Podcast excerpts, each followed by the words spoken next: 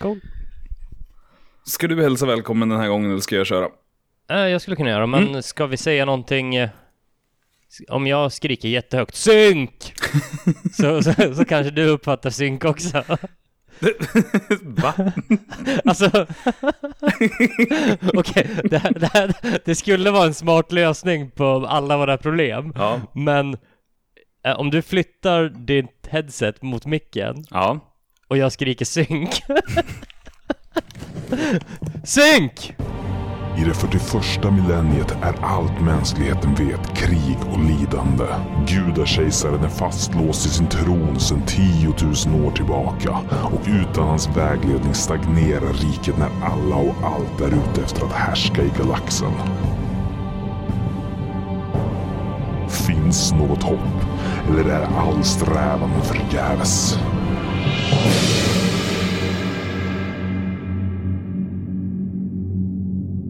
Hej och eh, välkomna till den alldeles underbart hemska världen som kallas 40K. Um, vadå, mitt namn är... Ja, till exempel.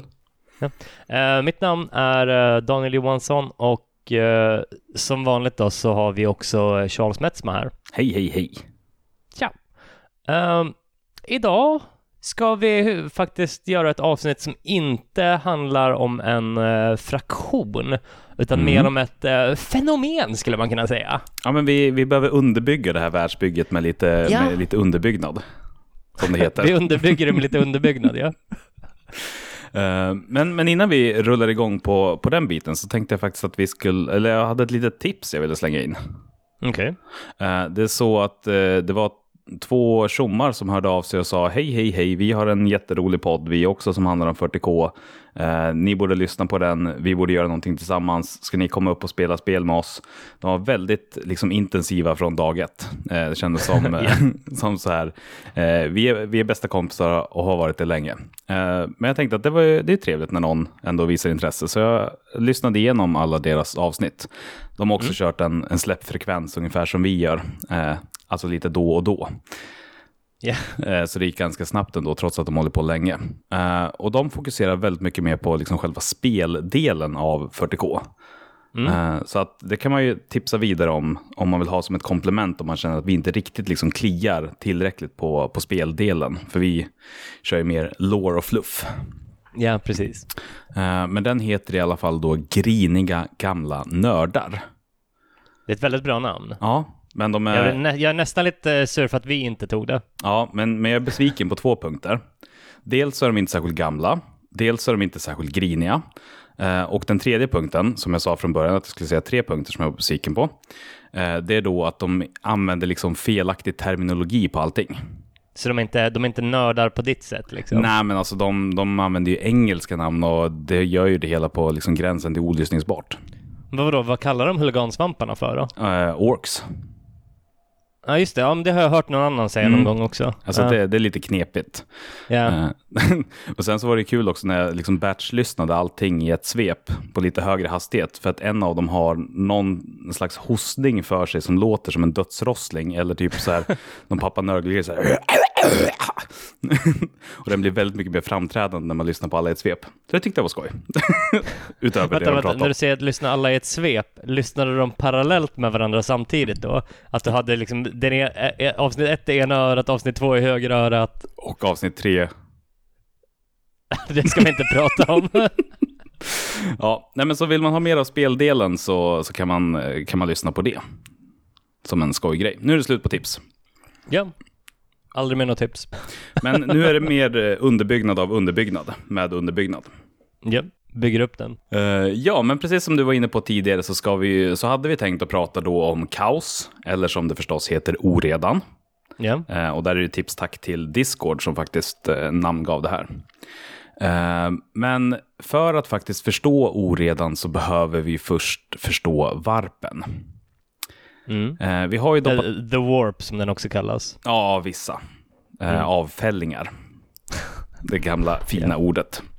Eh, men vi har ju liksom doppat tårna lite grann i det tidigare, men vi har inte liksom gått på djupet och nu när vi skulle börja prata oredan så blev det svårt att förstå ganska mycket om man inte förstår varpen först.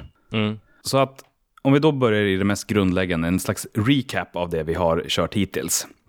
Så är det ju så att det är en dimension som ligger parallellt med den fysiska världen. Eh, och den kan spilla över i, alltså de spiller över i varandra.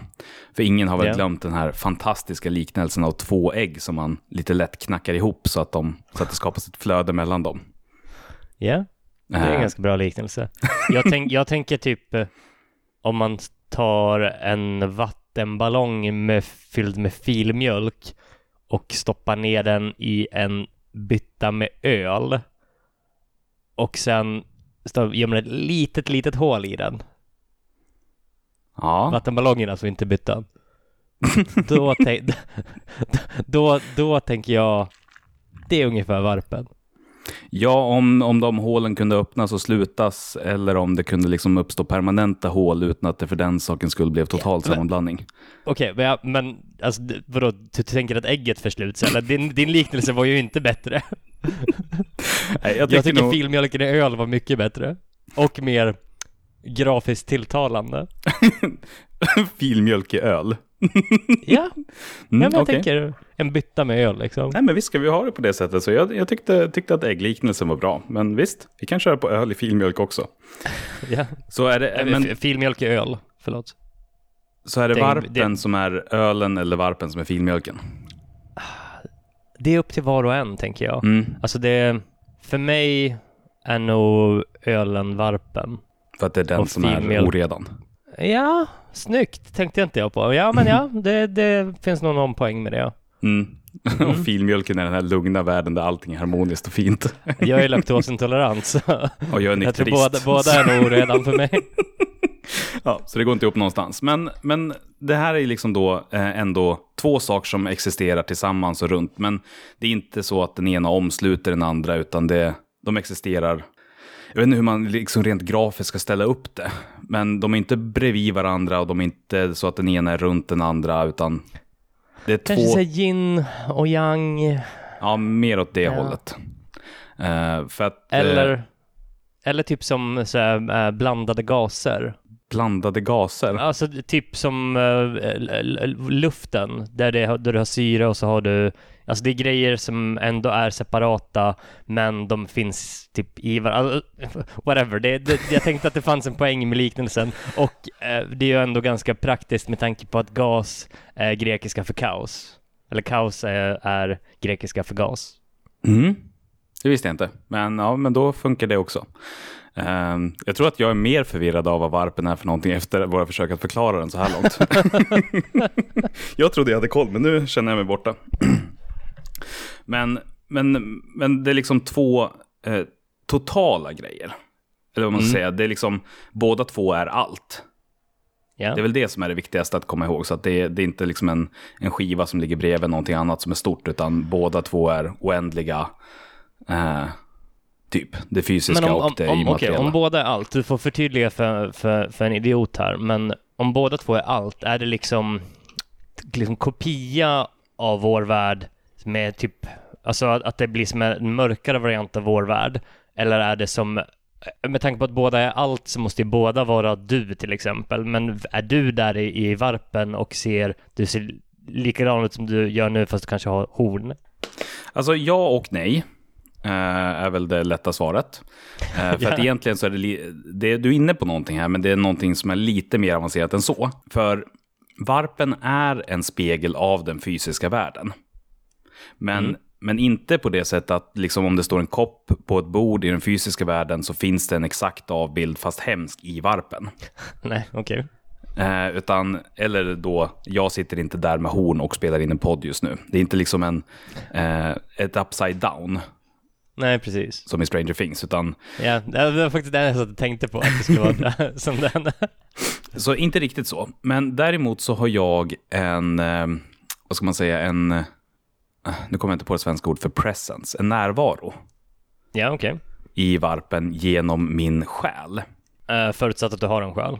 Ja, eh, så alla och alla medvetna varelser i eh, 40K har en själ. Och den själen är avbildad i varpen. Okej, men avbildad är det liksom som ett, ett, ett, ett, ett spöke som driver omkring eh, som själen liksom, eller är det bara jag som har den här begränsade hjärnan som bara tänker att jag måste ha en fysisk manifestation av din själ i den andra?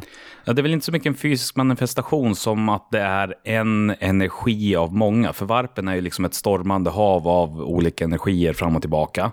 Och där så är det en lite mer formbar bit av eh, energin. Ja, okej. Eh, och den, framförallt så reagerar den utifrån dina känslor. Just det, såklart. Så, så att eh, det är inte så att om jag slår på någonting här i den fysiska världen så slår min energi. Däremot så syns, eller liksom så blir den mer ilsken. Mm, ja, ja. Så, Eller den projicerar ilska Ja, ja. och hat och eh, sådär. Men, Så- ja. Nej, Ja. Fortsätt, jag hade tänkt komma på en fråga, men jag tänker att det kanske är för tidigt. Jag tänkte då, eh, för vi har ju tidigare pratat om att när man dör så matar du med din själ på andra sidan till uh, Korn. Mm, det där har jag djupgrävt i, så vi kommer komma in på det senare. Ja, toppen. Ehm, men eh, för att ytterligare exemplifiera då. eh, om vi tänker oss att det är två stycken Astra Militarum-soldater som skulle börja bråka med varandra om vem som älskar gudakejsaren mest. Ja. Då skulle liksom både deras ilska och ambition synas i varpen och påverka den. Precis på samma sätt som att knytnävslagen liksom skadar varandra i den fysiska världen så skapar känslorna förändringar i varpen. Okej, så att det blir liksom så här mm, ebbningar i, eller så här typ eh, ripples av, av ens känslor som manifesteras på andra sidan liksom på något sätt. Ja, men precis. För att varpen som dimension liksom består ju bara av energi. Eh, inte så mycket tomrum, utan det är liksom ren energi. Eh, och Ja. ibland så kan vissa av de här energiströmningarna bli så pass starka att de får vad vi kan uppfatta som fysiska manifestationer. Men egentligen så är det mer att känslorna är så starka och sammanhållna att de manifesteras som någonting snarare än att de blir någonting fysiskt. Ja, Därför ja att, alltså, när när jag pratar om fysisk manifestation menar inte jag att det kommer upp en liten tomte med en hatt där och säger hej, jag är en fysisk manifestation. Jag tänkte mer alltså att, att det är någon form av Alltså att energin rubbas på andra sidan. Det är en fysisk manifestation, tänker jag. Ah, ja, okej, ja. Jo, men Ja. i så fall fysisk manifestation. Men, men det är även så att när känslorna liksom blir tillräckligt starka eller klumpas tillräckligt mycket så kan de också skapa någonting som, ja, långt i förlängningen så får det till slut också ett eget medvetande. Okej, ja, ja, ja, när man liksom Ja, att det blir liksom som en stor liksom, cancersvulst som växer till, växer till sig liksom som sen typ får egna ben och börjar gå omkring och ha sina egna känslor. Ja, men det tydligaste exemplet på det här har vi ju redan faktiskt pratat om när vi pratade om de äldre. Alltså Ja. eh, de äldres långsiktigt dekadenta, Och- eh, perversa liv. Ja, för att förtydliga för alla så är det äldre inte samma sak som det gamla. Nej, givetvis Nej. inte. Precis. Det, jag förstår inte hur någon skulle kunna blanda ihop dem. För det äldre är ju också de som ser ut som rymdalver. Ja, Ja. Och Så bara för att förtydliga så att alla är med på vart vi är just nu. Ja, men deras vi, dekadenta vi liv pratar i kod. Deras dekadenta liv orsakade ju då att Slanesh föddes. Eh, Och då fanns det tillräckligt mycket känslor, tillräckligt mycket liksom av det här att till slut en ny gud för oredan eh, föddes. Så att eh, ju mer någonting finns till slut så kommer det liksom att manifesteras någonting och Slanesh nu har ju liksom ett eget medvetande och en egen agenda och är liksom någonting som inte kommer försvinna. ja. Så det är väl typ, varpen är eh, som ett stort hav av lera. Och om du knådar tillräckligt länge på rätt ställe så kommer det till slut att liksom bli någonting av det. ja, alltså till slut. Men alltså, då kommer det, direkt kommer en fråga i mitt huvud liksom. Mm. Om, du sa att han alltid kommer förbli, att han är permanent nu när han är skapad, eller Mm. den, Slanners. Uh, borde det inte bli en eh, proliferation av, av gudar då? Eh, ja och nej. Eh, det finns många fler gudar än vad, liksom, det är inte bara fyra gudar egentligen. Men det är fyra gudar som är de liksom framträdande som liksom får stå i centrum. Ja. Eh, Men till exempel så pratade vi om eh, Gork och Mork, som också då är gudar Eh, egentligen i Ja, varpen. ja, ja, alltså det, det, det jag menade med frågan var att det, till, det kan bara tillkomma gudar, det kan aldrig försvinna gudar. Vilket innebär att efter en stund så kommer det bli liksom för många, Pantheonen blir liksom för stor på något sätt. Ja, eh, samtidigt så, så har det inte skapats allt för många, för det är ju, eh, jag vet inte. Eh, det kan mycket väl så att liksom om vi tittar på ett perspektiv av många, många millennier framåt så kommer det liksom vara där det hamnar. Jag tror att millennier är ganska, ganska snällt ändå när man Ja, tänker men- på... ja, kanske tio år så kanske det har kommit någon till gud. Nej, nej Ja. alltså jag förstår vad du menar alltså att om, om hundratusen år kanske det finns två till. Ja, det vet vi inte. Och det Nej. har ju funnits flera tidigare om man tittar på liksom GV-officiella grejer, men som har lite grann försvunnit i glömska. Ja, ja, I glömska, har de retconats ut tänker du då? Eller Nej, de har inte de... retconats ut, de har bara slutat eh, omnämnas. Ja, okej. Den mest framträdande som jag tänker på är Malal. Det kommer inte jag ihåg att jag har hört något om. Nej, det är liksom eh, guden av motsättningar och total anarki. Mm. Vad heter den gudens motsvarighet till liksom eh, en stor demon är eh, Guardian of Paradoxes. Ah, okej. Ja. Eh, och det liksom målar sig i svart och vitt för att svart och vitt är de yt- liksom, tydligaste motsättningarna. Mm. Eh, så att det har funnits och var en stor del tidigare men som har liksom försvunnit lite på vägen. Okej.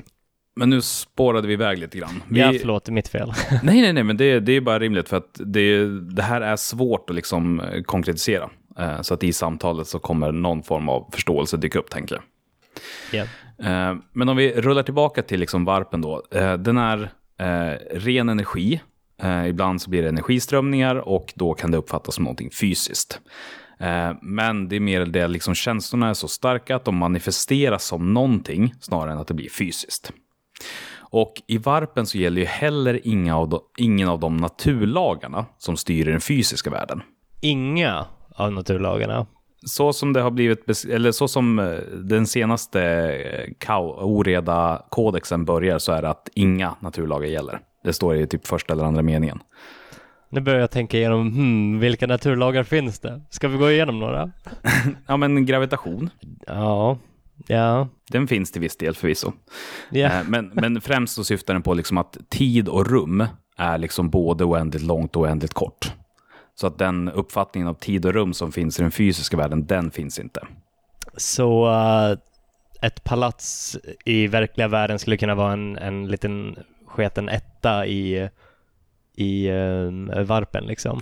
Ja, eller snarare så att när du befinner dig i varpen, eh, om du till exempel från den fysiska världen hoppar in i varpen och sen hoppar ut igen, så kan det ha gått hur lång tid som helst eller hur lite tid som helst. Du kan ha färdats hur långt som helst eller hur kort som helst. Ja, Eh, förlåt, kunde man färdas tillbaka? Man kan färdas tillbaka i tiden med den också va? Eh, ja, Jag har för Det- att det har hänt att de har sett profetia-skepp, eh, de här eh, har det inte varit några så här, typ The Black Ships eller någonting som så här, visar har hoppat ut i warpen, eh, eller förlåt, i varpen då vid vissa så här, tidpunkter i, i historien som har varit jättestora. Att de har så här, profetiskt hoppat tillbaka i tiden eller något sånt där. Ja, nej, men det tydligaste exemplet som jag vet som liksom finns i Horus Heresy, det är ju att det finns liksom någon slags eh, loop av att det är Horus själv som liksom kastar ut och gör så att alla primarkerna eh, flyger Ah. iväg. Cool, cool twist, det har inte jag hört något om. Men det hade Nej. låtit jätteballt. Att det är liksom det- så full circle-grejen. Ja, men precis. Det är när han, då när han håller på att falla till kaos så får han en massa visioner och går runt i varpen och då kommer han till då Himalaya där de var födda bakåt i tiden och orsakar störningar som gör att de kastas ut. Mm. Så att eh, även om det liksom bryter mot, och det är ju ett tydligt brott mot alla form av, liksom det vi vet om tidsresor, att om de överhuvudtaget går att göra så är det framåt det går att göra, men inte så mycket bakåt. Ja, precis. Men, och det är också det som gör liksom varpresande lite spexigt, eftersom att du kan vara borta i millennier eh, och, och liksom komma ut och tro att du var borta i en timme. Allting är förändrat. Mm, ja, precis. Ehm, det är väl också det, alltså det, det är praktiskt nog väldigt många typ kändisar i, i för, uh, 40K-universat som liksom är just nu borta i varpen. Och Mm. man vet liksom inte, ja, men, ja, när kommer de tillbaka? Ja, det vet man inte. Man vet, och Ja. de har bara varit borta fem minuter liksom, när, de, när de kommer tillbaka. Ja, men alla, alla primarker som inte är bekräftat döda är ju lost in the warp. Ja, precis. Men det är, som författare är det väldigt praktiskt att liksom ha någonstans man bara kan stoppa saker på hold. ja, i, så här oändligt så här, eh, vakuum, så här, i en stor frys, frysbox liksom. och eh, fortfarande liksom utan att bryta fiktionen. Så att det, det, är frågan om vad som, om det skapades för att det är lite häftigt att ha en parallell dimension där liksom tid och rum inte gäller. Eller om det var så här, hur fan ska vi lösa nu att den här killen inte får dö, men samtidigt så kan den inte fortsätta leva. ja. Yes, och det man också kan säga är att den är under konstant förändring. Alltså för att den, den mest frekventa liknelsen som används på internet är ju att det är som ett hav. Mm. Alltså att allting, eh, för precis som vatten så är ju liksom allting i rörelse hela tiden och ingen punkt är direkt fast. Och ena stunden så befinner sig vattnet 10 meter upp och nästa är liksom långt ner i någon slags dal när det vågar runt. Uh, och även liksom under vattnet så rör det sig jättemycket med underströmmar och så här. Det är liksom en konstant rörelse. Ja. Och där om man liksom förlänger den metaforen så blir då den fysiska världen stränder och land. Mm. Ja, uh, det kan jag nog eh, köpa.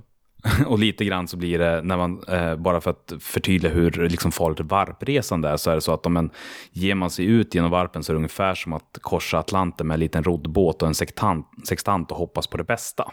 Ja, att man gör, um, vad hette han, var han norsk? Blåtand? Nej, inte, inte Harald Blåtand. Ja, men det, det, det, det är superkänt. Jag tror att det är allmänbildning, bara det att det inte är min typ av allmänbildning. Men det är verkligen Nej. liksom, jag tror alla vet vem det är. Två okay. normala människor skulle kunna det här. ja, men, men typ så. I alla yep. fall. Eh, men den stora skillnaden är väl att det här havet liksom är fullt av då rev och eh, ja, faktiska entiteter som försöker konsumera dig eller döda dig på andra sätt när du färdas där. Konsumera dig? Det, det, det, låter mer, det låter så jävla business-like att ja, men jag, du, du är på väg, på väg genom varpen och du är konsumerad av en demon. som att den, den har gått in på typ Ica Quantum och så här, köpt en liten Charles och bara, mm. ja, jag, jag, jag försöker väga upp mig själv från lurisen och om nom nom avsnittet. Nej, men så, liksom det är farligt att resa genom varpen bara liksom per standard, men eh, sen så stormar det ganska ofta och då är det i det närmaste omöjligt att resa igenom. Därför att en navigatör, liksom, som i vanliga fall försöker förutsäga strömmar och liknande, är helt lämnad åt slumpen när det stormar. För att man ser liksom ingenting. Yeah. Och det är ju heller inte bara det att det är de som vi klassiskt räknar liksom till oredans demoner som bor i varpen. Utan alla möjliga hemskheter finns där. Och på tal om liksom saker som har försvunnit i glömska så var det tidigare en förklaringsmodell, alltså det som vi i den här världen har som klassiska vampyrer, var ja, varpentiteter eh, i början. Just som det. kunde ta sig ut, anpassa sig och istället för blod så sög de ju då själar förstås, livskraften. Yeah. Yeah. Så att varpen har, är faktiskt i, i mitt tycke en ganska underanvänd del av 40K. Ja, men alltså jag tror att, att um, uh, det, det mesta handlar ju om saker, alltså folk gillar ju saker de kan ta på, men det, det är inte så himla sexigt att prata om det metafysiska liksom. På, på, på, på, något sätt. Så jag, jag tror att det är en business business point of view så är det ju skojigare att hålla på med det fysiska än att hålla på med det här eh, parallella universat där vi inte riktigt kan ta på saker eller se saker men det finns där och det gör saker. Det är känslor bara. Ja. Det är bara känslor. det är lite, lite så hippieflummigt. Eh, ja. Som, ja. Men, men väldigt läskigt. För som allting en, är typ elakt i varpen. Som elaka hippies. Ja, ja men, men det är ju liksom det som är det knepiga för att eh, varpen är jävligt eh, liksom, eh, konstig att greppa. Eh, och jag har hittills inte träffat någon som liksom...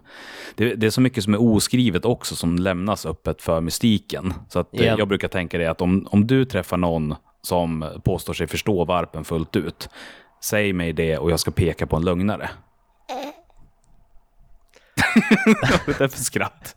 Nej, jag fnös. Alltså, alltså det, ja, bara... Poängen är att du kan inte förstå varpen. Nej, alltså grejen är att jag tror den är väldigt mycket öppen för tolkning för alla liksom. Jag tror alla gör nog sin egen bild av, av, eh, av varpen. Alltså man får små, små smulor liksom eh, som vi har blivit levererade av liksom GV. Eh, Mm. Och sen gör alla sin egen bild av det. Det är liksom så här, som en egen re- religion, kanske en dum liknelse, men på något sätt liksom att alla hittar sin egen väg till Gud. Att, eh, att alla målar upp varpen för sig själv och den är den är, också, den är också väldigt mycket att den kan bli vad den, vad den behöver vara för varje situation för, Mm. liksom, i böcker och sånt där. Att ibland är den bra för tidsresande, ibland är den bra för att eh, förvara eh, bortkomna primarker, ibland är den bra för wh- whatever liksom. Ja, men jag tror ändå att jag gillar liknelsen med tro generellt. Alltså inte som någonting nedlåtande mot det, men just det här att det finns vissa fasta punkter, men sen så är det väldigt individuellt. Ja, precis. Och jag tänker också, jag såg någon eh, berättelse om någon som försökte flumma loss eh, ganska hårt på internet för att försöka förklara hur, hur mycket vi skulle tappa det om vi verkligen förstod hur det var. Eh, Så jag tänkte att jag läser upp den, för den var, den var också fnysvärdig, men, men, men den kan hjälpa att förstå. Men tänk dig att det sitter en hund hemma hos dig. Och den ser dig sitta och spela tv-spel. Den ser ju då att du har en kontroll i handen och den ser att saker rör sig på tvn. Men om den plötsligt skulle få insikten av hur det fungerade egentligen, att det är dina knapptryckningar som manifesteras i spelet och att det sänds trådlöst över och att det du gör är att traska runt i en fiktiv värld och spela ett digitalt eh, tillfälligt alter ego, då skulle det liksom bli för mycket att ta in och galenskapen skulle slå till. Eh, och även om det inte skulle bli så, så är det för många steg av förståelse bort för att ens kunna handskas med det hela. Eh, och det är en ganska svag liknelse liksom generellt tycker jag, men ändå att försöka förstå att det är långt bortom allt det som, som tas för jag, jag givet. tyckte det var en bra, bra grej liksom. Men alltså, den, skulle ju funka för väldigt många grejer som liksom är, är bortom vår förståelse så att säga. Mm. Eh, men ja, vä- vä- väldigt, väldigt bra liknelse. För att jag själv börjar liksom, det är så svårt att eh, börja liksom nysta i såna här grejer med att tid och rum existerar inte. Ja, ja, precis. Så fort man kommer dit, alltså det är ju som stora byggstenen i vad vår verklighetsuppfattning är. Att, eh, att så fort man tar bort dem så blir vi väldigt lost i regel liksom. Mm. Och det är väl lite grann den, den grundläggande beskrivningen av vad varpen är för någonting. Är det någonting mer som ska läggas till där? För annars tänkte jag att vi rullar över på en lyssnarfråga. Ja, det, men det kan vi väl göra. Ja, och då var frågan, det skulle vara intressant att höra er beskriva hur psykers, alltså psykare, eh, fungerar i 40K. Kommer de från en bak eller jag kommer ifrån en bakgrund inom fantasy och är lite förvirrad huruvida skillnaden är stor på hur magin fun- hur magi fungerar i de olika universumen. För att i fantasy så kallar ju magikerna på vind, Akshi och hysch och eh, liknande urvarpen i fantasy. Finns vindarna i 40K med? Hur manifesteras de om de gör det? Okej, bra fråga. Ja, eh, och ganska bra också för den här grundläggande förståelsen av hur varpen funkar. Eh, Och det man kan börja med att säga är att det finns ju likheter. Alltså för varpen finns i både 40K och i fantasy. Eh, Och från, från början så var ju liksom de på något sätt två representationer av samma universum, men de senaste decenniet så har GV jobbat för att separera dem. Ja, Vilket gör det hela ganska knepigt när de ändå behåller så pass centrala delar som att du kan... ja att, det, att det är väldigt många, det är samma byggstenar liksom i grunden. Att du har, du har människorna, du har orkerna, du har alverna, du har liksom det mesta och sen har du också typ eh, the old ones. Mm. Eh, alltså det, och, och samma typ varpen och gudarna och ja, Och arméerna är ju spel, alltså kaos demonarméerna är ju spelbara i 40K och Precis. i Age of Sigmar på exakt samma sätt. ja. Jag tror att det här är en sån här Don't mention the war-grej hos dem. När de frågar, men hur är det egentligen? Är det samma i, Kao- eller i 40K och i fan, eller Age of Sigmar? Då, då blir det nog bara så att de anställda vänder sig bort och så här, det här pratar vi inte om. Alltså, det var ju snack om att eh, eh, en av de här primarkerna som vi inte vet vem det är, att det var Karl Frans. Mm, En annan, ett annat snack var också att det var Sigmar. mm, Alltså, då tror jag nog mer på Sigmar i så fall. Alltså den som, människan som bara enade typ mänskligheten och fick bort eh, orkerna och grejer. Men, men att han Ja. var en av de så här Lost Primarchs. Men samtidigt så håller de ju på att bygga upp någonting lite parallellt i Age of Sigmar med de här olika Uh, jag kommer inte ihåg vad de kallar dem. Men det är mer som asatron uppbyggd med liksom olika Ja, okej. delar av verkligheten. Det, ja, ja, precis. Att, att du åker omkring med här planes of existence eller... Ja, men precis. Eh, ja, precis. Jag kommer inte ihåg vad det het- heter, men de har något ganska bra ord för det. Mm. Så jag vet inte hur det skulle funka nu. Jag tror att de liksom börjar bygga någonting som faktiskt kan förklara att det är separata grejer. Ja, Fast alltså samma saker händer. min tanke med det är att jag tror Alltså, det, det är min eh, rationella delen av min hjärna vill att de hoppar mellan planeter. Alltså de, de säger att det är planes of existence, men jag tänker att de, typ, de hoppar till en planet som är kanske en lavaplanet eller så hoppar de till en planet som är bla bla bla och att det för Mm. dem känns så. Men jag är, jag är inte liksom insatt i det. Nej, det skulle ju vara ett sätt att ta tillbaka det eh, och liksom göra det till samma universum igen om man ville det. Ja, Men, men det som också är likt är att alltså, även i 40K så använder psykare varpen för att trolla. Eh, men, men det är liksom inte så här trollformler och förtrollningar och trollkarlshattar på det sättet, utan det är mer så att varje psykare har det som en förmåga att kunna använda den här energin från immateriet till det materiella. ja. Alltså att man kan tappa upp det som en kran. Att de, Man ja. öppnar sin varpkran och sen gör Ja. man vad man kan. Men, men eh, de har väl eh, de har ju massa, har de inte massa implants och grejer också för att uh, jag, jag vill minnas att väldigt många av figurerna har som, det ser ut som de har så bultar intryckta i skallen för att det ska se ut som de så här, kan komma åt varpen lättare eller någonting. Att det så här, Nej, alltså alla de sakerna handlar om att göra varpanvändande mer stabilt. Ja, okej. För att antingen så, kan, antingen så är du psykare eller så är du inte psykare. Det är liksom inte som busvissling att jo, alla kan det inte men alla skulle potentiellt kunna lära sig. Okej. Utan det är antingen så är du född med det eller så är du inte född med Jag det. tror inte jag kan busvissla. Nej, inte jag heller. Nej. Men jag skulle kunna lära mig det. Jag tror inte jag skulle kunna lära mig. Jag, jag vill minnas att jag försökte i några veckor. Just det, och allt som du inte kan lära dig på några veckor det är fysiskt omöjligt. Ja, ja, ja. Men vadå, om man försöker några veckor och inte klarar av det, då, då, är, det, då- då, då är det svårt. Ja, men gjorde du ett montage? Eh, nej. Du måste göra ett montage, annars lär man sig inte. Eh, men, men så är det i alla fall här i 40K, att du kan inte träna dig till att bli psykare, utan du är det eller inte. Det är som en förmåga. Eh, och det är också så att alla psykare inte kan göra allt. Utan generellt sett så har du en eller ett par väldigt specifika förmågor. Ja. Eh, Men det här kommer med en liten asterix efter för att de som är tillräckligt kraftfulla psykare, de kan göra lite vad de vill. Typ Gudakejsaren, Magnus den röde och Malkador i viss utsträckning. Ja. Så de kan ju liksom göra lite alla möjliga grejer just för att de är superstarka psykare. Mm. Den genomsnittliga psykaren har liksom en grej. Ja, just- alltså sen finns det ju typ så här, eh, regementen av de här budgetpsykarna som, eh, som Astra Militarum har. Där du kan liksom, Mm. ja, du kan lägga in nio stycken Vyrdwain Vyrdvain Psykers i ett litet regemente och de är skitsvaga liksom. Medan de går på Mm. kvantitet.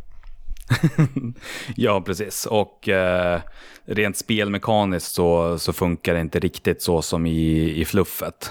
Därför att där så kan ju eh, samma psykare ha olika förmågor beroende på omständigheter. Men, men i, liksom, om man ska titta på loren så, så har du specifika förmågor.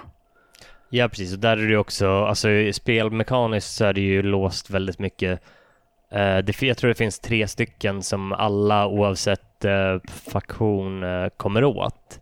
Men sen Mm. har du liksom de flesta grejerna är liksom att bara Space Marines kan, eller bara typ Blood Angels kan de här och ba, bara Eldar kan de här och så vidare. Och det är ju för att få ihop det spelmekaniskt. Ja, ja, men precis. som nu till exempel har jag kommit så pass långt i Horus Heresy att jag är på den boken som heter Descent of Angels. Och Do- där så är det Doften av änglar. Descent. Ah, Okej, jag inte- tyckte det var The Scent, alltså så här. Låter mer som en Harley Quinn-roman. Inte att förväxlas med eh, följarna av den skrattande guden, Harley Quinner, utan bokförlaget som släpper tveksam, eh, moraliskt tveksamma litteratur. Nej, men han, där en av personerna i den har liksom terror sight, eh, Mm. kallas den. Förmågan att liksom frysa tiden lite grann och se beståndsdelarna som bygger upp dig. Så Vad har det med terror att göra? Nej, den heter bara så. För att terror är Vänta, coolt. är, är han den enda som kan det och var det han som kom på namnet? Det var inte han som kom på namnet och det, han är inte den enda som kan det. Okej. Men det är liksom att kunna se en, han ser en bäst i genomskärning och ser hjärtat och kan liksom sträcka sig in och döda den eh, Ja. genom pansar. Ja, alltså jag, jag tänker mig bara att den, den som kom på, alltså är, är rent i låren då, vem som kom på Mm. namnet på den här grejen. Det är skithäftigt, det, det heter, det heter um, Terror Site. ja, det är jävla häftigt. det är verkligen att de ska äh, dra, dra fram det coolaste de kan. Ja, men det är ju det är mycket så sammansatt, sammansättningar av någonting coolt och sen någonting mundant, vad det är för någonting. Jag kan se, ja, vadå se, det är inte häftigt. Ja men det, det är terrorsikt. Ja, och, och det att terror ska vara någonting coolt. Eh, ja, Eh, men så när en psykare psykar eh, så gör man liksom helt enkelt ett litet hål på verkligheten. Ett pytte hål och tunnlar ut den här varpenergin för att åstadkomma det man vill göra. Som att ha i den här byttan med öl så har man då den här vattenballongen fylld med filmjölk och så gör man ett litet, litet hål och tunnlar ut filmjölken ut i ölbyttan. Ja, eller snarare då att man sticker in en liten tappkran och så vrider man på den och sen så stänger man av den fort som fan för att man inte vill liksom ha för mycket. Eh, Så att du sticker in den där trappkranen och sen så vill du liksom få ut energin. Men du, och det är ju praktiskt på det sättet att varpen är ju liksom en oändlig, ett stort hav av energi där du bara kan ta hur mycket som helst. Mm. Men samtidigt så vill du ju inte göra det eftersom att eh, den här energin är ju inte helt godhjärtad. Eh, så att som psykare så blir du ganska trött av att använda det för att hela tiden så måste du då liksom slåss tillbaka allt annat som också vill läcka in genom den här kranen. Ja. För att i den här ölen simmar det då demoner. Nej, du menar i filmjölken? Ja, var det fi- ja. ja, men det simmar i alla fall demoner och annat som vill äta upp dig och förstöra Ölen. dig och alla dina kompisar någonsin har känt. De vill göra ölen, ölen. odrickbar. Ja, det vill gå in där och skära sig. Ja. Eh, Så att det som alltid när man liksom psykar så finns det ju en risk att eh, man öppnar upp sig själv för en demonattack, att bli eh, besatt eller att liksom få ett litet spår som ligger kvar och viskar och gör att du sakta men säkert liksom förvrids.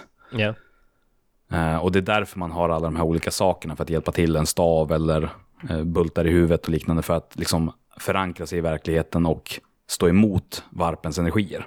Och den stora skillnaden mot fantasy blir då alltså att det inte varifrån som energin kommer som avgör hur man trollar utan det är snarare så att det är hur man kan använda den här energin som är begränsningen. Det är ungefär som, eh, ska vi testa oss på då då? Eh, det är som vatten. Okej. I, I 40K så är vatten vatten. Du kan välja att koka det, du kan dricka det, du kan lägga det i en vattenpistol och spruta det. Men det beror på vad du har för saker runt omkring det. Har du en hink så kan du tappa upp det i en hink. Men i fantasy så får du vatten Okej. i en hink. Och i så fall så kan du göra det som du kan göra när du har vatten i en hink. Eller du får vatten i en vat- vattenpistol. Eller du får vatten i... Ja, Jag kommer på det här allt eftersom att jag pratar så att det funkar inte superbra. Ja, alltså... Jag, ja, jag tänker att ja, har du liksom en så här, ja, har du en högtrycksspruta så kan du... Fast det, jag tänker att det hade varit roligare, för vi har ju redan pratat om hav. Jag tänker att det, det som, okej, det kan vara filmjölk har vi haft, öl har vi haft. Vad finns det för mer saker som är flytande? Fler det finns säkert vätskor. någonting till. Mm, Eh, som man kan använda till mycket vet- saker. Ja. Eh, det, det, det finns kanske ingen till vätska. Nej. Det är... Filmjölk, öl, vatten. Nej, det, okej, det, kan, det kan vara olja. Ja, För det, olja tänker jag kan vara en ganska bra Ja. grej. det köper jag. Och beroende på, i och för sig, där är den ju inte samma sak. Nej, men alltså, det, det viktigaste att ta med sig det är huruvida liksom, har jag en uppsättning av verktyg eh, att välja mellan Mm. eller har jag liksom källan och sen så kommer jag med mitt eget verktyg. Ja, precis. I 40K är det mer som att det är olja, Ja, du, har va? fått, ja, men du, har fått, eh, du har fått en bil och i den finns det olja, alltså kan du köra. Eh, så Mm. funkar det i fantasy. Nej. Ja. Ehm, nu har jag lyckats uh, fälla krokben för Ja, mig ja, själv. jag också. Jag fintar bort mig själv här. Jag, jag hade någon poäng Okej. med det, men nu vet jag inte vilken olja, oljan passar Men om vi bäst på. skippar liknelsen. I 40K, Ja. eh, så beroende på vilken vind du tar din energi ifrån, eh, men egentligen så är det då varp egentligen kanske funkar på samma sätt, bara det att de har olika förklaringsmodeller för det. Alltså beroende på deras begreppsvärld. Mm. Ja. Mm. Alltså vindarna finns inte, utan egentligen så är det bara hur kan jag använda den här energin? Och det tillskriver jag en vind. Precis. Jag har för dålig koll på Men- fantasy men- för att ja. veta om det är en förklaringsmodell Ja. eller om det är uh, facts. Ja, men så det svarar väl lite grann på, på frågan, tänker jag, kring, eh, kring hur psykare använder eh, varpen. Mhm. Och då finns det en sak till som är ganska viktig att förstå i den här grundkursen av varpen. Ja, vad är det för något? Det var det du var inne på lite tidigare, det här med liksom, eh, själar och känslor och vad är det för någonting egentligen. Ja. Eh, och det här liksom, även om tid och rumavsaknad är eh, trippy och hippieaktigt så blir det liksom värre här, det blir lite knepigt. Eh, för att det som är, är ju då att varpen är en dimension som helt och hållet består av energi. Eh, och den här dimensionen hämtar då sin energi från just känslor och själar. Ja. Den består Jajamän. av det. Eh, och eh, som vi nämnde tidigare så skapar ju då känslorna i den fysiska världen ett energiutbrott i varpen. Men det är liksom på något sätt den mindre, om man ska säga det är ören och sen så är själen kronor.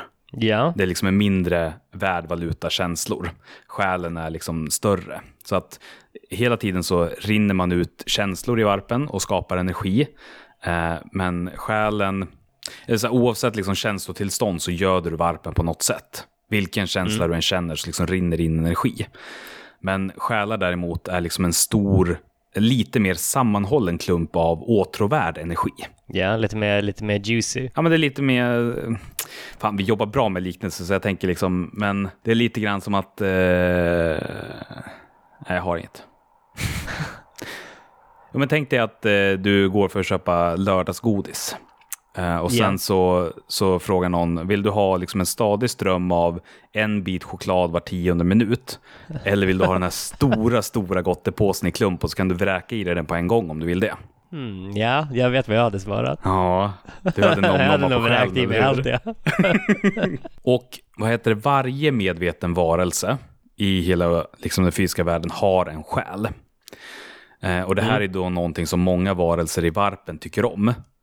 Eh, Lurisen var ju en av de första att upptäcka det här som folkmördade hela Necrontyr för att få gott Kom vi grisa inte sig. fram till att det var lurifaxen? Lurifax, ja, jag vet inte. Ja. Jag tror att båda, Jag, tror, jag tror luris var ditt förslag och jag skrev över det med lurifax. ja, båda alternativen finns i ordlistan i alla fall. Mm. Jag tror att lurifaxen blev den official och sen så är Ja, lurisen precis. en, en, ett alternativ. Men, eh, ja, men liksom folk mördade allihopa bara för att få gotta sig på själarna och Slanesh föddes ju och liksom lever på att äta de äldres själar. Ja. Eh, och tidigare när varpen var liksom lugnare och mer harmonisk, egentligen innan de äldre kom och fuckade upp allt, då kunde en själ liksom utan problem flöda över till varpen, simma runt där ett tag och sen återfödas igen. Just det. Så här reinkarnations... eh, Precis, och om själen var tillräckligt stark. vad är det som definierar en stark själ då? Hur mycket utav en, s- alltså, Hur mycket plot armor du har? dels det, eh, men också hur mycket av en, hur stark din koppling till varpen är. Ja, okej. Eh, hur mycket psykarpotential du har. Ja. verkar vara den generella grejen. För att alla de äldres själar lyser upp relativt starkt i varpen och alla av de äldre har ju psykarpotential. Just det. Eh, Men till exempel människor, eh, mindre sannolikhet att en människosjäl skulle kunna liksom reinkarneras. Har vi några exempel på reinkarnerade människor i 40K? Det beror på, men eh, nu är det svårt att säga hur liksom, om man ska gå in på liksom gudakejsaren, gudakejsarens backstory så finns det ett, ett av spåren till hur han kom till att det var en många olika inte schamaner. Precis, schamaner i typ Turkiet eller något där. Nej, inte bara i Turkiet utan över hela världen som liksom reinkarnerade sig själva men sen började de se att eh, oredan kommer. Så då gick de in och eh, självmordssektade sig och alla själar föddes tillbaka som en själ. Ja, precis. Och det, ja, men det var väl i liksom Anatolien eller någonting, Ja, om jag inte Äh. missminner mig. Precis. Och då blev han Jesus. Men han föddes väl inte i Anatolien? nej. Men, eh, nej, men det, det, det var den liksom gamla bibliska eh, varianten av hur gudakejsaren kom till. Eh, men den är inte... De har varit lite mystiska på sistone med hur det egentligen blev. För att de, jag tror att de typ har retconat det. Ja. Eh, Men så vissa människor har liksom den potentialen. Eh, och be, alltså om man Att verkligen... retconna en skapelseberättelse. Ja, fast det är bara om man jobbar på GV. Eh, Annars Ja. så har man inte den. Eh, och där kommer vi väl säkert komma in och liksom i teorier och grejer sen när vi pratar gudakejsaren. Liksom för att vad, vad han egentligen är har ganska stor betydelse. Men, men på något sätt så kan man kan sträcka sig till att han skulle kunna vara den enda varpguden som faktiskt är godhjärtad. Godhjärtad är också att ta i. Han skyddar mänskligheten. Han har gett allt för oss. Han har bara dödat de som behöver dö. Det är i och för sig ganska snällt. Nu när du säger det sådär så, ja. Alltså även en SS-officer tror jag stod på Hitlers sida. Och såg det Okej. han försökte göra. Bra, bra liknelse. Ja, men det är uh, så godhjärtat som någonting kan vara helt enkelt i det här universet. Mm.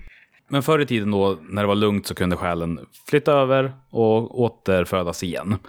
Eh, och liksom, varpen har ju långsamt blivit en värre och värre plats, men det tycks liksom ha kulminerat där runt M22 när Slanesh föddes. Alltså, Eh, du, får, eh, du får nog förtydliga M22. alltså i det 22 millenniet. Snyggt. År Jag tänkte, 22 att, 000. när man bara helt casual slänger ur sig M22 och eh, förväntar sig att alla ska koppla det. Någon tror att man pratar mutterstorlekar och... Ja. Ehm, ja, men så att de, de äldre ställde ju liksom inte bara till det för sig själva, utan man skulle kunna säga att de ställde till det för hela galaxen genom att eh, göra varpen så pass osäker. Mm. Så himla busigt av dem. Ja, verkligen. Och för att... Yes? Nej, jag kom bara på en, en bra liknelse till vad varpen är, men jag Ja, kan, vi kör. kan ta den sen. Nej, kör nu. Okej. Eh, alltså, man skulle väl också kunna säga att varpen är som ett trådlöst nätverk. Det finns liksom Mm. alltid... Det finns alltid med oss fast vi kan inte riktigt se det. Och har du rätt, liksom är du en psykare så är det som att du har en mobiltelefon med dig så du kan komma åt det på något sätt. Liksom så du kan tappa in i the den fucking här... fury of Wikipedia. Vad sa du? så ja, du kan precis. unleash the fury of Wikipedia. Ja, men det, det är liksom att normalt sett kommer du liksom inte åt det, men har du den här, är du de här speciella mobilpsykarna liksom så, ja. så, så kommer du in där och då kan du göra saker. Du kan till exempel spela upp ett videoklipp på en Om du rolig har rätt katt. app. Precis, precis. Eh, så sen är det det att vissa har de här apparna och andra har ju andra, typ eldappar och, och så Och vidare. de, och de flestas telefoner är låsta till en app. Ja, precis. De går. Operatörslåsta. Du har bara, du föddes som en psykare, men tyvärr var allt du fick Candy Crush. ja. Så du kan underhålla människor i begränsad mängd och om ingenting roligare finns. Du kan, du kan underhålla dig själv någon gång ibland när du ska vänta på tåget liksom. Mm. Ja, men har man otur så är det den liksom, mobilen man föddes med. Ja. Det är den man har. ja, men jag gillar det. Jag köper det. Varpen är som ett, eh, som ett wifi. Eller Ja. ett 4G-nätverk. Eller ja. Nej, för vissa är den typ 3G. Och för någon som inte vet vad de håller på med så kommer de få virus och deras existens blir lite jobbigare. Ja, precis. det funkar Ja. ju. Det är bra. Alltså, och att den är, den finns som en bakom vårt universum hela tiden. Eller så vår, vår Den går inte att dimension. se, den går inte att ta på, men den är hela tiden här. Ja. Ja, Jag tror, jag tror, jag tror, där hittar vi den. Blir liksom Pariahs och Nulls, alltså de som inte har någon koppling till varpen, blir det liksom eh, de här elallergikerna då? Mm, ja. Som bygger Faraday-burar runt sitt hus. Och liksom disconnectar sig själva från varpen. Jag tror det. Ja. Eh, och så har man också de som säger jag vet inte, uh, phishing-bottar och spam-mails och grejer. Och det är liksom så här typ onda demoners röster som försöker ta sig in i ditt huvud. Och så Mm. här, all, all reklam man ser på internet är ju också det. Ja, det är ju, det är ju såklart fall av uh, Nurgle-smitta, reklam. Ja, precis. ja, Ja, men jag, Jag tror, vi, jag tror vi har lyckats vara nyskapande i tolkningen av 40K-lår faktiskt Och- genom och- din och- insats. Och och så har vi liksom så här varpstormarna när det är så här, ja, telemasten är nere där så man kommer inte åt eh, internet liksom. Ja, eller du liksom har motsvarigheten till att gå ner i en bunker så att du tappar GPS-signalen. Precis, Då just kan du det. inte längre navigera och veta vart du är. Mm. Där är jag. Just det. Har ingen Man- koppling till man- varpen längre. Du, du går alltid med så här Google Maps och när du ska ta dig mellan ställen liksom. Gör inte du det? Nej, Nej, okej. Nej. jag navigerar det- med hjälp av solen. Just det. Så det är därför du kommer fel ibland, men jag alltid kommer rätt. Såvida jag inte ska till en bunker. Ja, men det är, ja, solen hjälper inte mig i bunkrar heller. det, är liksom mina killes häl. Ja. Uh, vart ska vi säga att vi var någonstans? Jo, men vi pratade själarna. Eh, och ju större psykopotential, ju större själ. Jo, men det är så här, för att det här ska bli förståeligt så måste man också ha koll på att en själ är någonting. Alltså i Ja. vår värld så är ju en själ någon slags teoretiskt abstrakt koncept. En, en tankelek som vissa praktiserar för att ge oss större betydelse än vad vi har. Det är vad du tror. Ja, Mm. min, eh, min, min tråkiga världs- vetenskapshjärna säger så. Mm. Eh, Jag tänker ju att själen, det är det viktiga som ankrar min kropp och gör mig till den jag är. Det, Just nej, det det. gör jag inte, förlåt. jag, ska, jag ska inte... Och varje dag ägnar du minst fem timmar åt själavård. Om du kallar det själavård så visst. Uh, jag tror inte du får bo ensam längre. det blev jättekonstigt. Uh, nej, men, men i 40K i alla fall så är själen någonting liksom väldigt verkligt, det är mätbart, det är faktiskt. Ja. Eh, och som vi var inne på så har olika själar olika tyngd. Eh, och ju större psykopotential desto liksom starkare är din själ. Desto tyngre Eller är den. Ja, fast inte tyngre så som vi mäter med kilo, utan Nej, det blir svårt att... Ja, det är en över 25 hektos själ mot Mm. en... Ja, utan det utgår mer ifrån psykopotential. ja precis. Så det här har... Förlåt, vilka mått använder vi psykopotential. när vi mäter psykarpotential? Ja, det, det, är, eh, det är ett numeriskt mått på din psykopotential. Ja, ja precis, men, men hur... Är, är det liksom, vad säger man? Vi kallar Ja, det, är, det är psykopotential 2 pp kanske. Det är PP ja. Så du, Ja. du har eh, 5,2 i PP liksom. Ja, så det är ganska svagt. Så när jag dör så kommer min själ bara upplösas och bli till ett intet. Ja. Men vad har någon som till exempel... eh, ah, vad har vi för någon kändis då? Magnus den röde kanske. Ja, vad är hans PP? Ja, det är ju över 9000. Nej, Okej, ja det är helt klart. Eh, nej men, så det finns ju ingen, liksom, ingen måttstock för att mäta, men det är någonting mätbart. Alltså det är någonting faktiskt. Ja, ma- mätbart är nog ett dåligt, då, dåligt ord med tanke på att det inte går att mäta. Jo, men det är för att vi inte har mätinstrumenten som bryter tid och rum. Just det. Men då skulle man nog inte säga att det är mätbart. Då skulle man nog säga att det är... Det är... eh, Observerbart. ja, precis. Det är nog bättre. Ja, För det är, det är konstigt att i samma mening säga att någonting är mätbart och det inte går att mäta. vi kan inte mäta det. Men Ah, den som okej, har okej. rätt instrument kan mäta det. Eh, och... ja, men eh, försök att plocka ut eh, liksom, exakt 97 centimeter om du inte har en tumstock.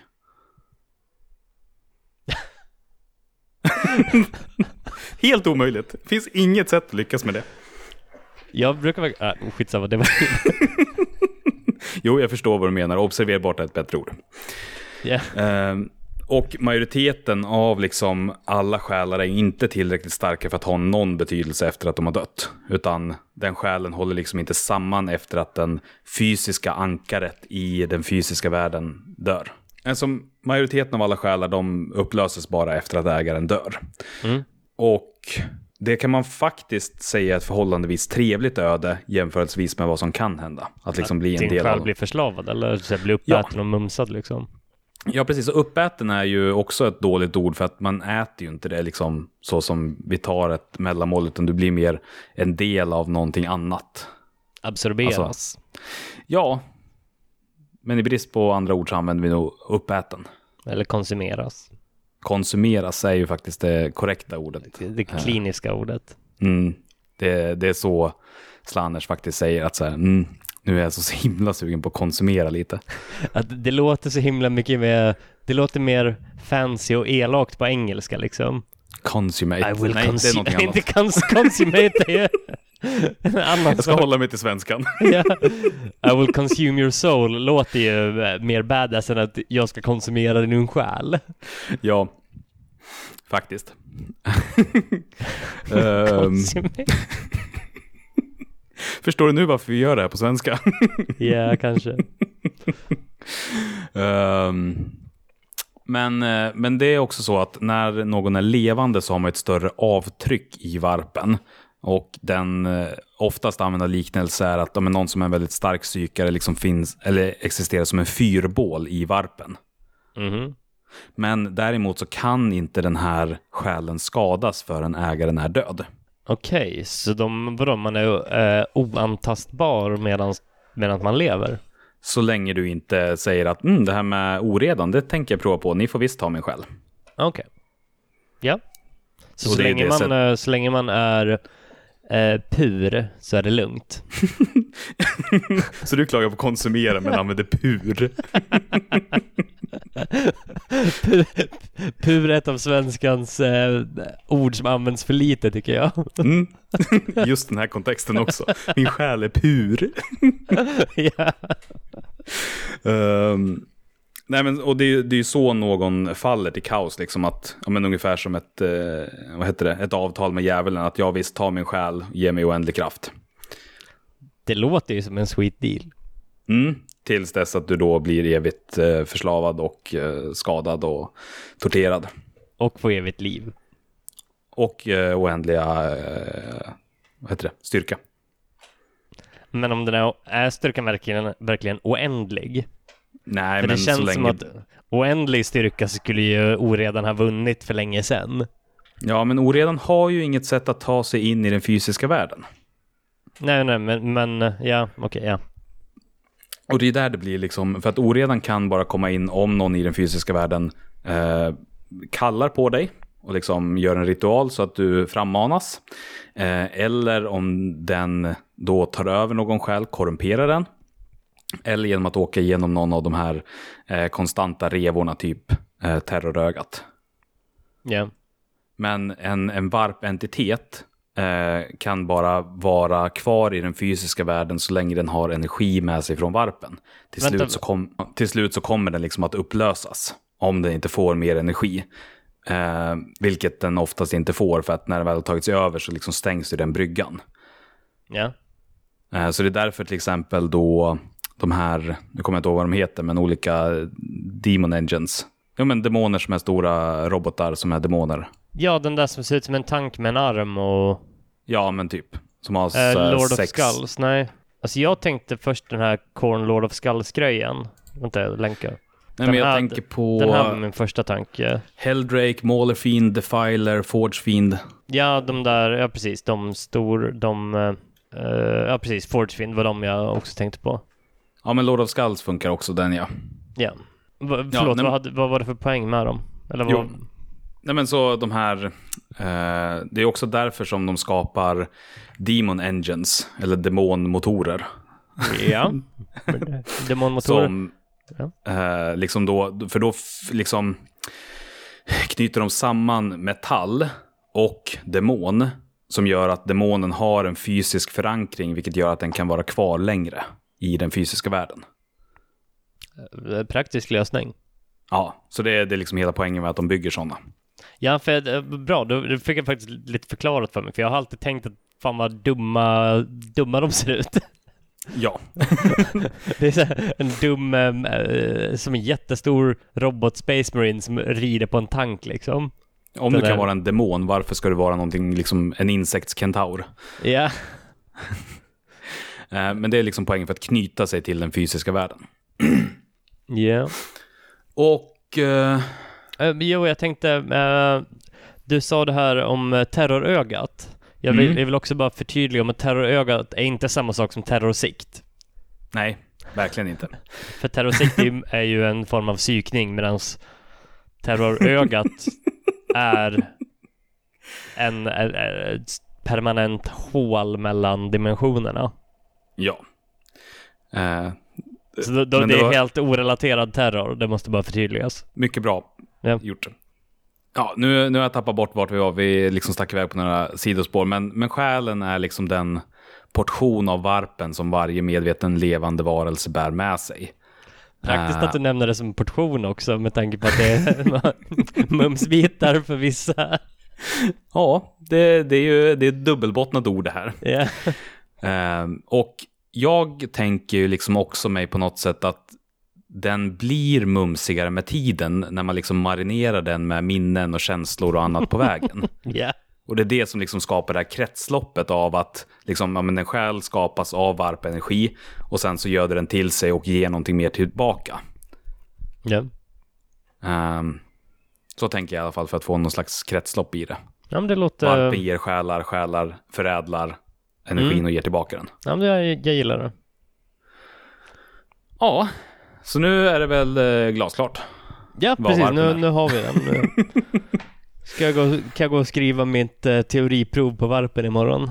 Ja, precis. Eh, men, men jag läste också en bit om man, om man vill liksom fördjupa sig mer eh, så, så kan man ta det akademiska perspektivet på det här.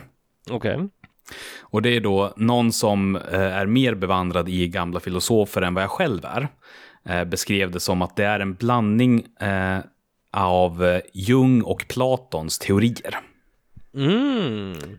Därför att Platon har ju då ett koncept som innebär att alla tankar som alla tänker egentligen är manifestationer av en högre extradimensionell överidé. Såklart. Eh, Men i 40K så blir det då känslorna istället för tankarna. Och Jung har någonting som är liknande med sitt stora kollektiva omedvetna, som då är befolkat av absoluta och oändliga idéer som ansamlas som arketyper. Alltså typ en förklaringsmodell för polyteistiska religioner. Ja. Att de gudarna var eh, manifestationer av det kollektiva övermedvetna. Eh, olika aspekter som blir personifierade. Du pratar Men- om det som att det är någonting som är passé, men eh, polyetism är for- fortfarande något som praktiseras i stora delar av världen. Ja, nej, det var inte menat som eh, passé, utan jag, jag tänkte faktiskt på de äldres eh, Pantheon som, som har gått åt helvete. Ja. Ja. Eh, men, men liksom, så att någon slags hopbakning av Jung och Platon är varpen egentligen, om man nu vill förstå det på en djupare nivå. Mm. Nej men snyggt. Det var det jag hade om varpen. Har du någonting annat som ska läggas till, tänker du? Mm, nej, men jag tänker att eh, vi skulle kunna prata lite om eh, eh, li- lite, lite hobbyrelaterat. Eh, Ja, Ja. Eh, de ska ju släppa, eller håller på och släpper Apocalypse nu. mm. Som eh, är liksom, för, för de som inte är insatta så är det att det blir på en, allting blir på en mycket större skala. Jag, jag, mitt, generella intryck är att det är typ fem, sex gånger större än vad de vanliga slagen brukar vara. och inte så mycket ska, fysisk skala, utan snarare storleken på striden. Ja, precis. Alltså det, det är inte så att du tar liksom en Space Marine och istället för att den är mm, 4 centimeter hög så är den 15 centimeter. Liksom, utan utan det, det är liksom att du har mycket, mycket större, alltså, större eh, högre antal soldater på varje sida. Ja, men istället för att det är små grupper som springer och skjuter på varandra så är det mer fullskaligt krig. Ja, precis. Och eh, i teorin tycker jag det låter jättekul. Och jag tror spelmässigt så blir det nog skojigt, men mitt, mitt span är nog att reglerna känns lite förenklade. Alltså lite för förenklade kanske.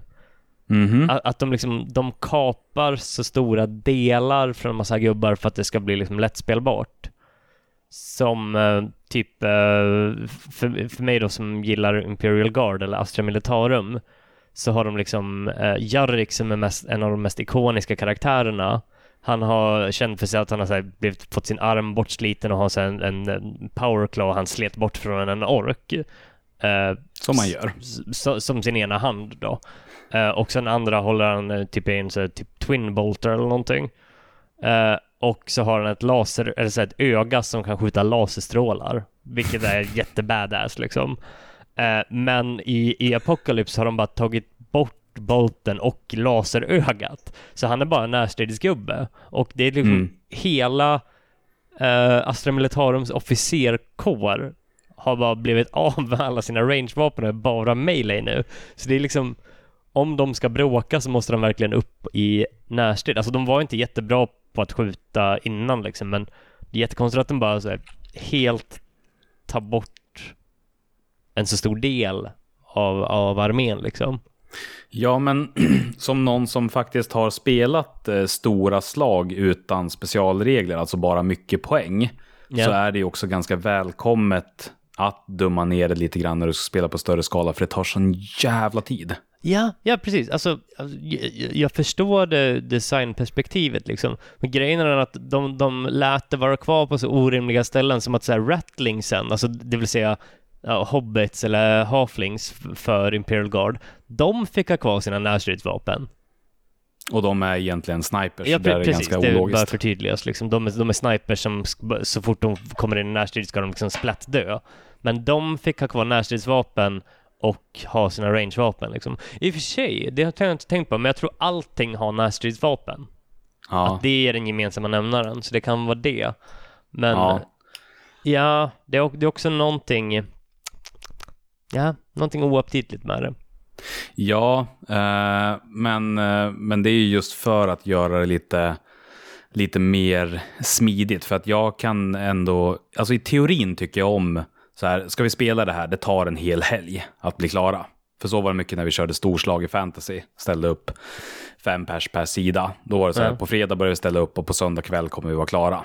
Ja, I teorin så är det liksom attraktivt, men sen när man väl är där så är det inte så jävla kul. nej. Och då för att de som faktiskt har lagt typ, vad kostar en titan om du köper den från Forge World fullkittad? Typ Typ en 5-6 tusen? 10? 10 tror jag. Om du köper de största. Ja. Så har du köpt liksom en stor titan för 10 000 så vill du kanske ut och lufta den någon gång. Ja, ja precis. Alltså, jag, jag uppskattar verkligen att de har lagt till det som ett alternativ, men så här, eh, competitive-människan i mig tycker att det ser för förenklat ut liksom, och att det blir mer uh, ja, det blir mer verkligen bara en rastplats för de här största arméerna än att det är ett spel. Ja, det som jag tycker är tråkigare eh, i, i den aspekten snarare är väl att alla, alla fraktioner inte har lika mycket options när det kommer till, eller valmöjligheter när det kommer till stora, stora butiga grejer. Ja, ja men absolut. Eh, Spelar man Imperiet så då finns det ju liksom jättemycket att välja på, men om du... Ja, Tau har väl bara sin den här... Eh, De har ju mantan. Jättemantan. ja, den är ju cool dock. Jo, jo, men det är också... Jaha, ska vi spela Apocalypse? Men då tar jag min manta. Det är vad jag kan välja på. Ja, ja, ja, alltså det är ju det är ju dock, alltså det är dock lite samma sak i eh, vanliga liksom 40K. Där har du Imperial Guard har ju bara ett enda alternativ för att ha, alltså, för att fylla den här fast attack-slotten. Mm. Eh, så har vi bara Sentinels som är, Ja, alltså det enda de gör är att de kommer med för att de ska, för att man ska ha en fast attack liksom. Ingen vill ta dem men man måste ta dem om man ska fylla upp en bri- eh, brigad liksom. för att få command points, eller hur? Precis, Ja. precis. Eh, ja, men så att, eh, men jag tycker ändå om liksom att kunna... Det är en sak, sån sak som jag ändå uppskattar med 40K, att det finns så många olika manifestationer. Alltså vill man spela på den stora skalan med, liksom, om jag vill ha planetkrig, så går det att göra det. Vill jag spela mer skirmish, då går det det. Vill jag snarare spela det på dator, då kan jag göra det. Alltså det finns så många olika eh, vägar in i det. Ja. Ja, det Eh, och speciellt då om man begränsar sig till miniatyrerna, att jag faktiskt kan spela från en liten grupp på fem tappra till eh, ja, men det storskaliga. Ja, att de verkligen, det, jag tycker det är kul att de har börjat med så här ingångs, eh, inkörsporten killteam liksom. Mm. Eh, att där kan du liksom kö- gå, gå på så himla liten skala. Det, det jag tycker skulle behövas, ja, inte, inte för min del då, men att det, att det skulle finnas något sånt för, för liksom Age of Sigmar. Eh, jag skulle vilja ha det i så fall för liksom gamla Warhammer Fantasy som jag tycker är det mer aptitliga. Eller var det mer aptitliga? Med Eh, mer aptitligt än 40K också. Nej, ja, ja i, i, i grunden tror jag det. Alltså det Ah, var, nu när jag sökte mig tillbaka till, till, till hobbyn liksom, så var min första tanke var att jag ville hitta tillbaka till, till fantasy. Men sen såg jag Mm. att den hade blivit Age of Sigmar och då blev jag såhär, ja men då kanske jag ska testa 40K för den var ändå, den var inte långt efter liksom, men det var ändå, det var ändå efter. Ja, nej men eh, en skojsak som, eh, som du hittade på ett av datasheetsen tycker jag också är värt att nämna. Eh, att, ja, just det. Eh, den här, att de har uh, Nork Dead Dog som är alltså typ en bodyguard ogre, eller ogrin, förlåt. Eh, han, det, det liksom sättet det formuleras är att is, uh, it is equipped with ripper gun and thunderous headbutt. Alltså det låter som att han har en dundrande huvudstjärt liksom. Ja, för det står ju också listat under vapen. Det är ju inte Ja, en ability, alltså en precis. förmåga, utan det är ett vapen. Jag bär runt på en thunderous headbutt. Ja. som bara, bara så himla, himla konstigt formulerat med... Alltså visst, det förenklar ju det mer än om att det skulle vara en skill som man kan dunka på. Mm. Jo, men, men vissa av de neddumningarna blir väldigt konstiga. Som att man kan gå till affären och köpa sig en thunderous headbutt. Ja, det är någonting jag skulle kunna gå och handla. Jag tycker min skallning är lite för svag så jag får köpa, får köpa en starkare. Ja. Men, men annars så, jag, jag tycker om Apocalypse, jag kommer aldrig någonsin spela det, men jag tycker om att det finns. Det är väl mitt Ja. samlade betyg. ja, men eh, någonting annat kring Apocalypse som, nu när vi har gett oss in i den här branschen av att prata om nya aktuella händelser. Just det. Eh, jag kollade lite på, på Apocalypse, de här, de, de ska ju sälja nya så här, megaboxar, ett dumt ord, Mm. men eh, detachment boxes. Så du köper liksom en färdig, ett färdigt detachment. Eh, för de som inte vet vad detachment är så är det organisationsformerna du bygger din armé runt. Så till exempel Mm. en, en spearhead ska ha typ tre stycken heavy och en eh, HQ.